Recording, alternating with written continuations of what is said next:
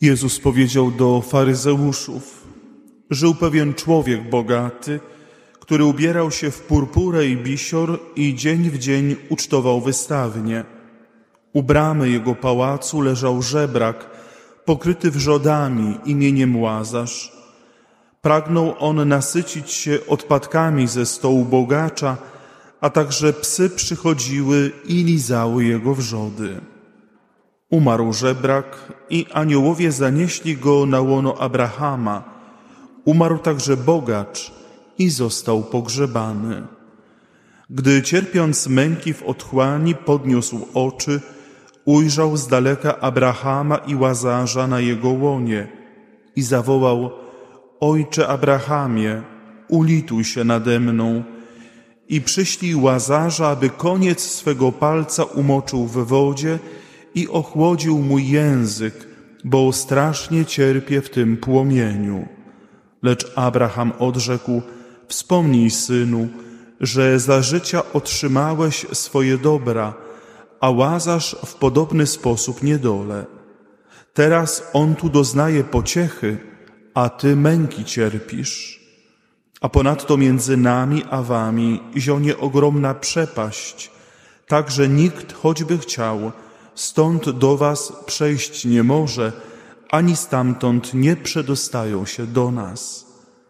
Tamten rzekł, proszę cię więc, ojcze, poślij go do domu mojego ojca. Mam bowiem pięciu braci, niech ich ostrzeże, żeby i oni nie przyszli na to miejsce męki.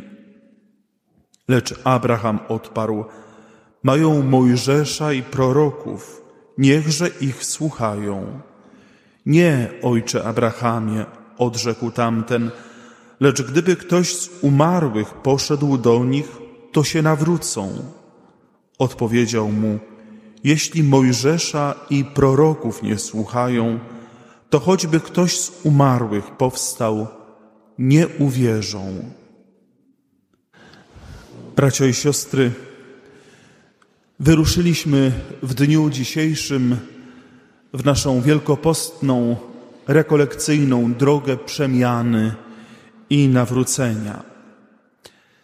Dzięki życzliwości księdza proboszcza, księdza Marcina, po dziesięciu latach znowu staję po tej stronie ołtarza w roli rekolekcjonisty, po to, aby dzielić się z Wami Bożym Słowem. Być może niektórzy mnie poznali, być może ktoś pomyślał, o to chyba jest ten ksiądz, ale jakiś do niego niepodobny, a może ktoś pomyślał sobie, a nic się ten ksiądz Paweł nie zmienia, tym ostatnim dziękuję, to bardzo miłe i życzliwe. No ale koniec tych śmiechów. Idziemy, wchodzimy na tę rekolekcyjną drogę, tak jak ksiądz Kamil zapowiedział, tematem tych rekolekcji będzie strata, doświadczenie straty. Będziemy starali się spoglądać w różne oblicza straty, zastanawiać się, jakie straty mamy za sobą, jakich strat aktualnie doświadczamy, co zrobić, by te straty, które są przed nami, bo niewątpliwie takie są, co zrobić, by przeżyć je tak, aby zyskać. Bracia i siostry, będę odwoływał się w czasie tych rekolekcji w sposób naturalny do Bożego Słowa, ale będę też odwoływał się do mojego doświadczenia e, psychologicznego, terapeutycznego.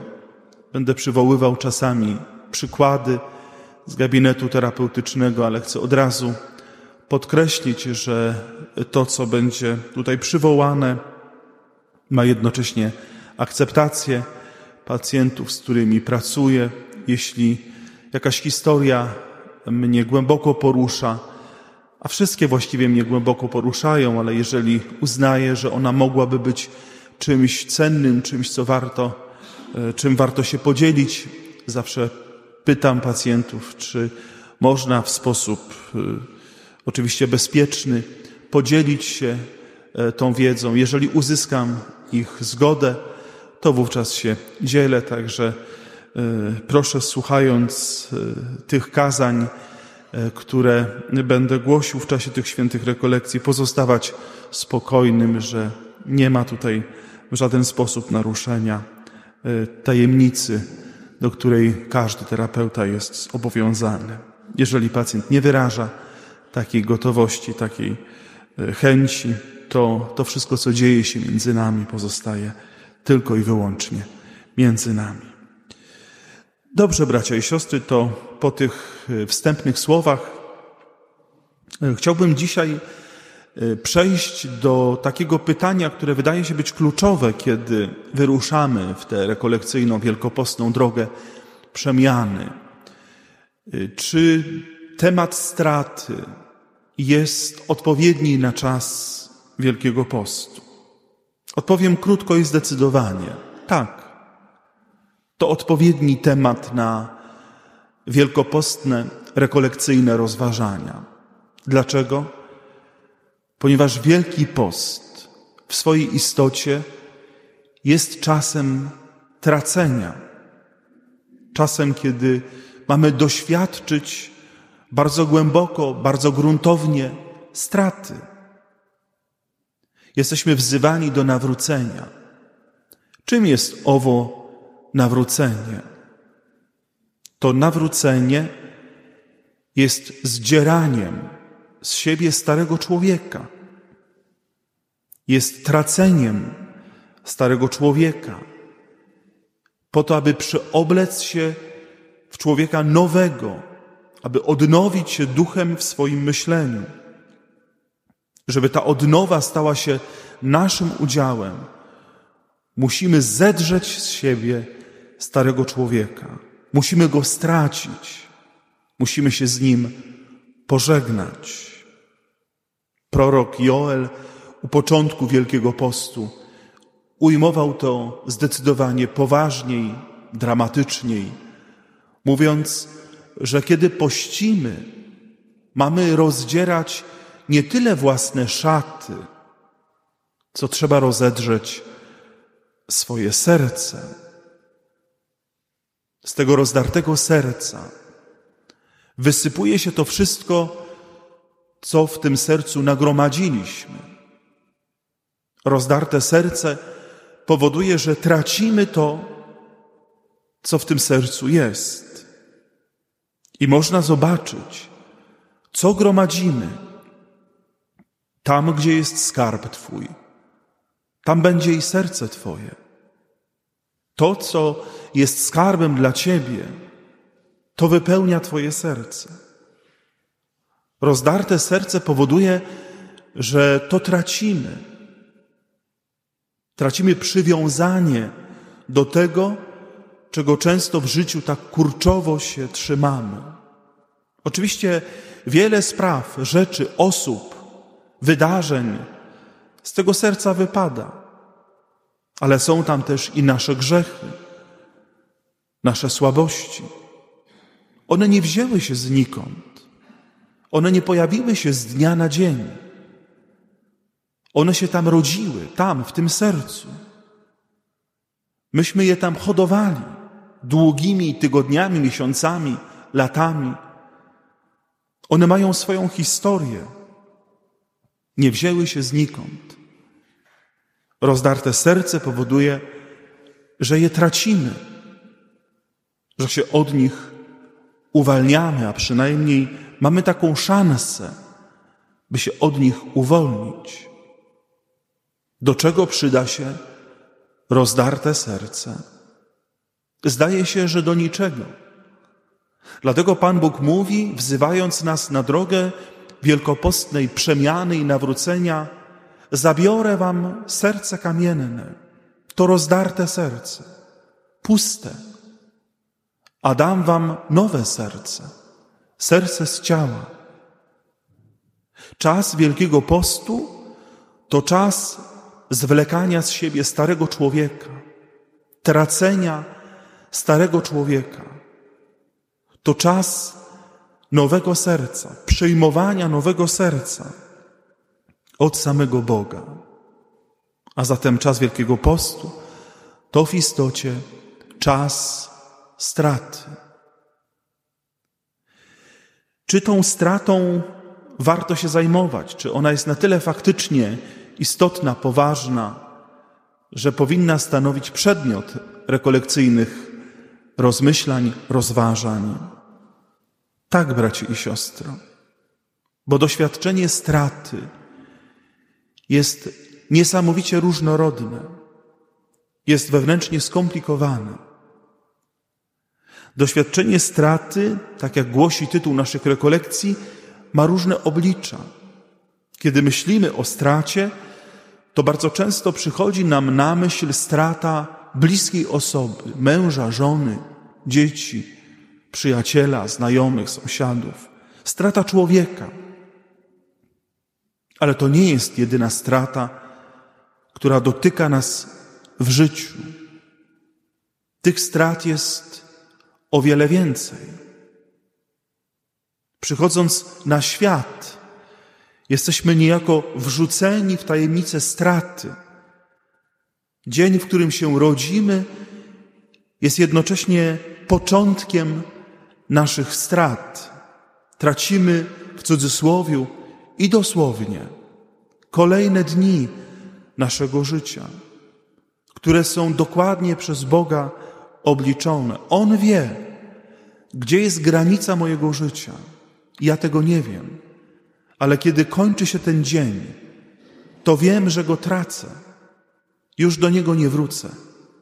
Już go nie ma. Nie cofnę czasu. Nie powiem, pomyliłem się. Źle wykorzystałem czas. Źle zagospodarowałem tym dniem. Muszę to naprawić. W tym dniu już go nie naprawisz. Straciłeś ten dzień.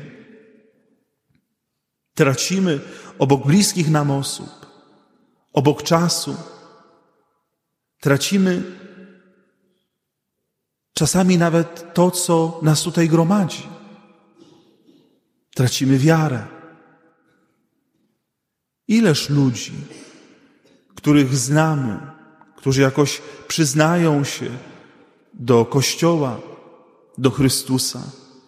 Iluż ludzi już dzisiaj pośród nas nie ma, nie odeszli, nie zmienili miejsca zamieszkania, nie zmienili parafii, stracili wiarę, czasami na skutek własnego zaniedbania, niepostrzeżenie traktowali wiarę jako dodatek, ani się obejrzeli, a przestali cenić więź z Bogiem.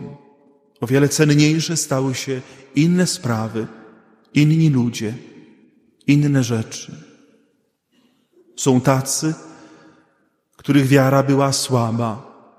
Stracili tę wiarę, słysząc w doniesieniach medialnych o tym, o tamtym. Powiedzieli, nie potrafię tego rozumieć, zrozumieć. Jak można? Jak można pogodzić w sobie grzech i bycie w kościele? Nie potrafię być w takim kościele. Ktoś traci wiarę. Można stracić, bracia i siostry, nadzieję.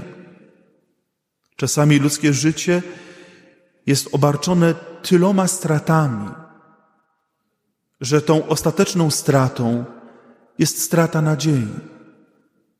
Ktoś mówi: Ja nie wierzę, że będę miał lepiej w życiu, że mi się uda. W kontekście walki duchowej, walki z grzechem, ktoś traci nadzieję na to, że rozstanie się z jakimś grzechem, że wyruguje ten grzech ze swojego życia. Walczy odkąd pamięta. Traci zwolna nadzieję, a tracąc nadzieję mówi, po co mam klękać u kratek konfesjonalnych? Po co zawracać Bogu i księdzu głowę? Ja nie powstanę z tego grzechu. Ten grzech jest wkomponowany w historię mojego życia.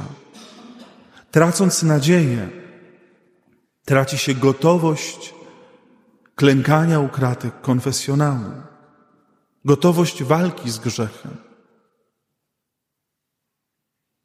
Są bracia i siostry takie straty, których w życiu pożądamy, które są konieczne. I są takie straty, których się lękamy, których się boimy. Strata ma wiele obliczy, ale strata jest także doświadczeniem powszechnym. Wszyscy, którzy tu jesteśmy dzisiaj, mamy za sobą doświadczenie straty. Wszyscy coś straciliśmy. Kiedy ten temat wybrzmiał, kiedy po raz pierwszy go przeczytałeś, przeczytałaś, to jakieś doświadczenie straty obudziło się na nowo. Są takie straty, które już opłakaliśmy, i są takie straty, które ciągle opłakujemy. Ktoś powiedział, że czas leczy rany. Zdaje się, że są takie straty, które pozostawiają takie rany na sercu, których czas nie wyleczy, które może wyleczyć tylko Bóg swoją łaską. Z jednej strony strata jest czymś powszechnym, z drugiej strony jest czymś wysoce zindywidualizowanym. Ja mam takie doświadczenie straty, którego Ty nie masz. Ja straciłem coś, czego Ty nigdy nie straciłeś i nie stracisz. A Ty straciłeś coś, czego ja nigdy nie stracę. Nawet nie jestem w stanie sobie wyobrazić Twojej straty. Masz tylko swoją stratę, która Cię odróżnia od tych ludzi. Kiedy Pan Bóg patrzy na Twoje serce, to rozpoznaje Cię poranie tego serca spowodowanej tą właśnie stratą, bo to jest tylko Twoja strata. Nikt tutaj, nikt na ziemi nie doświadczył takiej straty. To jest tylko Twoja strata. Już w tym wywodzie, bracia i siostry, widać, jak doświadczenie straty jest samo w sobie skomplikowane, jak jest złożone, a jednocześnie jak jest bogate. Skoro zatem czas Wielkiego Postu to czas doświadczania straty, chcemy się tym stratom przyjrzeć. One są wpisane w nasz rozwój, w nasze budowanie więzi z Bogiem, w nasze dochodzenie do dojrzałości, do świętości. Nie da się, bracia i siostry, dojść do dojrzałości, do świętości, nie tracąc. Co musimy stracić? Musimy stracić iluzje. Iluzje, które nam towarzyszą. Dziecko, które rodzi się z konkretnych rodziców, kiedy jest malutkie, to mówi o swoich rodzicach w taki sposób, że oni są wszechmogący. Rodzic może wszystko. Czasami w przedszkolu, pamiętam ze swoich praktyk psychologicznych, y, dzieci mówią, przyjdzie mój tata i ci pokaże, a mój tato potrafi zrobić to, a moja mama to robi to i to. I ktoś to z boku patrzy, słucha, myśli sobie, no coś, coś takiego. Jak ten ojciec, jak ta matka potrafi to zrobić? Nie potrafi. Ale dla dziecka to jest poczucie wszechmocy rodzica. Kiedy ono dojrzewa, wzrasta, w końcu dostrzega, że mama potrafi kochać, że tato potrafi kochać, ale mama i tato potrafią także zranić, niecelowo, nie po to, by zadać dziecku ból, ale dlatego, że są tak samo słabi jak każdy człowiek. Dojrzewanie, stawanie się dojrzalszym to nic innego jak tracenie iluzji. Takiej iluzji, że ktoś jest doskonały, że ja jestem doskonały. Nie jestem doskonały. Potrafię kochać, potrafię żarliwie wierzyć, ale potrafię również zwątpić w Boga.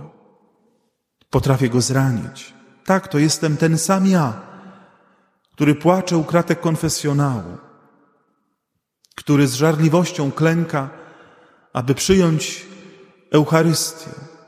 I ten sam ja, który grzesze, który odwraca się od Boga, który o nim zapomina, to ciągle jestem ja. Dojrzałość, świętość to utrata iluzji. Iluzji samowystarczalności. U początku tej drogi rekolekcyjnej myślę, że nie bez przyczyny Kościół Święty daje nam pod rozwagę czytanie z księgi proroka Jeremiasza, które zawiera w sobie niezwykle sugestywną treść. Przeklęty mąż, mówi prorok Jeremiasz, który pokłada nadzieję w człowieku, który w ciele upatruje swoją siłę, a od Pana odwraca swe serce. Podobny jest on do dzikiego krzewu na stepie. Nie dostrzega, kiedy przychodzi szczęście. Błogosławiony z kolei mąż, który ufność w Panu pokłada i Pan jest jego nadzieją. Przeklęty jest ten, kto uwierzył, że sam sobie w życiu da radę, że można zbudować szczęście własnymi rękoma, tylko i wyłącznie w oparciu o własne siły. Przeklęty, bo przechodzi mu obok nosa szczęście, jest tak blisko niego, na wyciągnięcie ręki, a on go nie widzi, a on go nie dostrzega. Użala się, że jest mu źle, że jest biedny, że Pan Bóg mu nie błogosławi, że nie układa się w życiu. Ale to wszystko dlatego, że nie pozbył, nie pozbył się złudzenia, nie stracił złudzenia, że samemu człowiek może osiągnąć własną doskonałość, świętość. Nie może. Dlatego błogosławiony jest mąż, który stracił te iluzje i nie w sobie, ale w Panu pokłada nadzieję. To w Nim jest źródło mojej świętości. To w Nim jest moja moc do walki ze słabością i grzechem. To w Nim jest moja świętość, nie we mnie. Trzeba stracić te iluzje, ale to nie jest proste. Co najmniej z dwóch powodów. Po pierwsze, pielęgnujemy w sobie, często w sposób nieświadomy, chorą miłość własną, która, która każe stawiać tylko na siebie, która każe patrzeć tylko na siebie, podkreślać własne siły, samowystarczalność, gotowość do samorealizacji. A z drugiej strony, Żyjemy w świecie, który hasła samowystarczalności, samorealizacji niesie na sztandarach. Nie jest ważny drugi, nie są ważne normy moralne. Ważne jest, żebyś czuł się dobrze sam ze sobą. Ale człowiek nigdy nie poczuje się dobrze sam ze sobą, kiedy przekreśli Boga kiedy odetnie się od źródła życia, nie dostrzeże szczęścia, choćby przechodziło mu obok nosa. Potrzeba, bracia i siostry, tracić. Ten czas rekolekcji ma być dla nas czasem tracenia, nomen omen czasu dla Boga. Ale nie chodzi o tracenie dla samego tracenia. Nie chodzi o jakieś masochistyczne tendencje. Tracę, cierpię z tego powodu, ale nic nie zyskuję. Chodzi o takie tracenie, chodzi o takie doświadczenie straty, za którym stoi zysk, które powoduje, że coś otrzymuje, że coś zyskuje. Bo do takiej straty w istocie zaprasza nas Bóg. Bo o taką stratę chodzi na drodze wielkopostnej przemiany. Kiedy tracę przywiązanie do grzechu, zyskuje wolność. Jak wielka jest radość, jak wielki jest pokój człowieka, który, który mówi, proszę księdza, od lat byłem niewolnikiem grzechu. Zwłaszcza jeżeli to jest niewola w obszarze grzechów związanych z ludzką seksualnością. Dzisiaj jestem wolny. Jak wielka jest radość tego człowieka. On stracił grzech, przywiązanie do grzechu, ale zyskał wolność. Możemy stracić bliską nam osobę, więzi, relacje, ale często za tą stratą idzie świadomość, jak ważny ten ktoś był dla nas.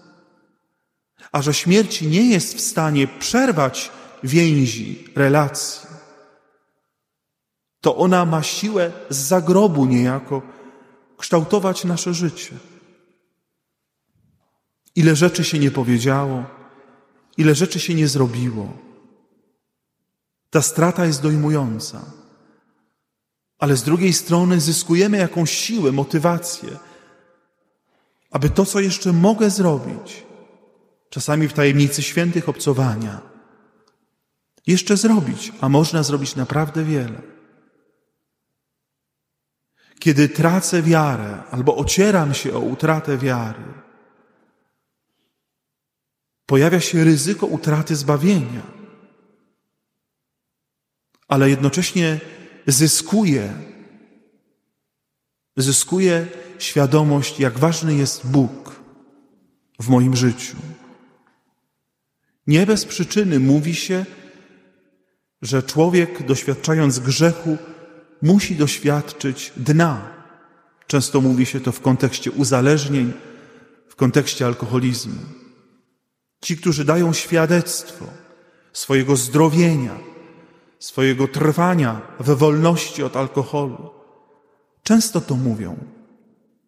Musiałem doświadczyć dna, zupełnego opuszczenia, osamotnienia, poczucia, że nawet Bóg mnie zostawił, żeby potem powiedzieć w pierwszym kroku anonimowych alkoholików: Jestem słaby, a moja, moja siła jest w sile wyższej, w Bogu. Trzeba było stracić wiarę, żeby zobaczyć, że bez niej nie da się iść przez życie, że bez niej o wiele trudniej idzie się przez życie.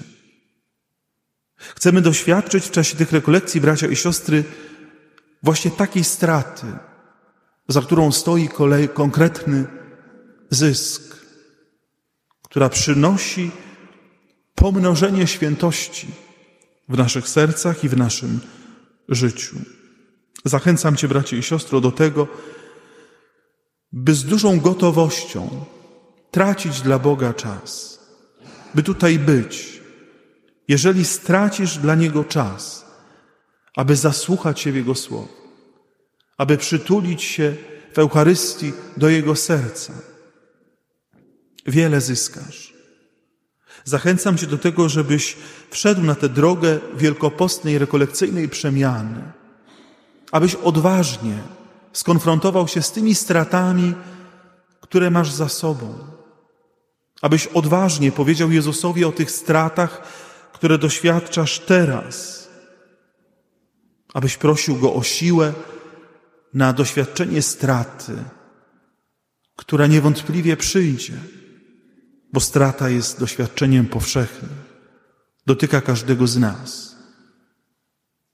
I proś Go w czasie tych świętych rekolekcji, by rana na Twoim sercu, po stracie, która jest tylko Twoja, nie tylko Bogu była miła, ale by ona stała się częścią Ciebie. Byś patrząc na tę ranę, której pozwolisz się zagoić, powiedział ta rana po stracie, choć ciągle żywa, choć przywołująca ból, smutek i cierpienie, jest jednocześnie stygmatem Bożego obdarowania, bo dzięki niej coś uzyskałem. Ona jest częścią mnie, częścią mojego życia. Niech Duch Święty nas prowadzi na tej drodze. Niech nas odziera ze starego człowieka.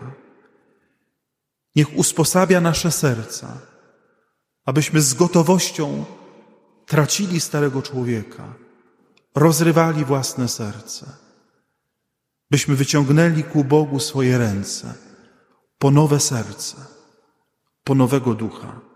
Amen.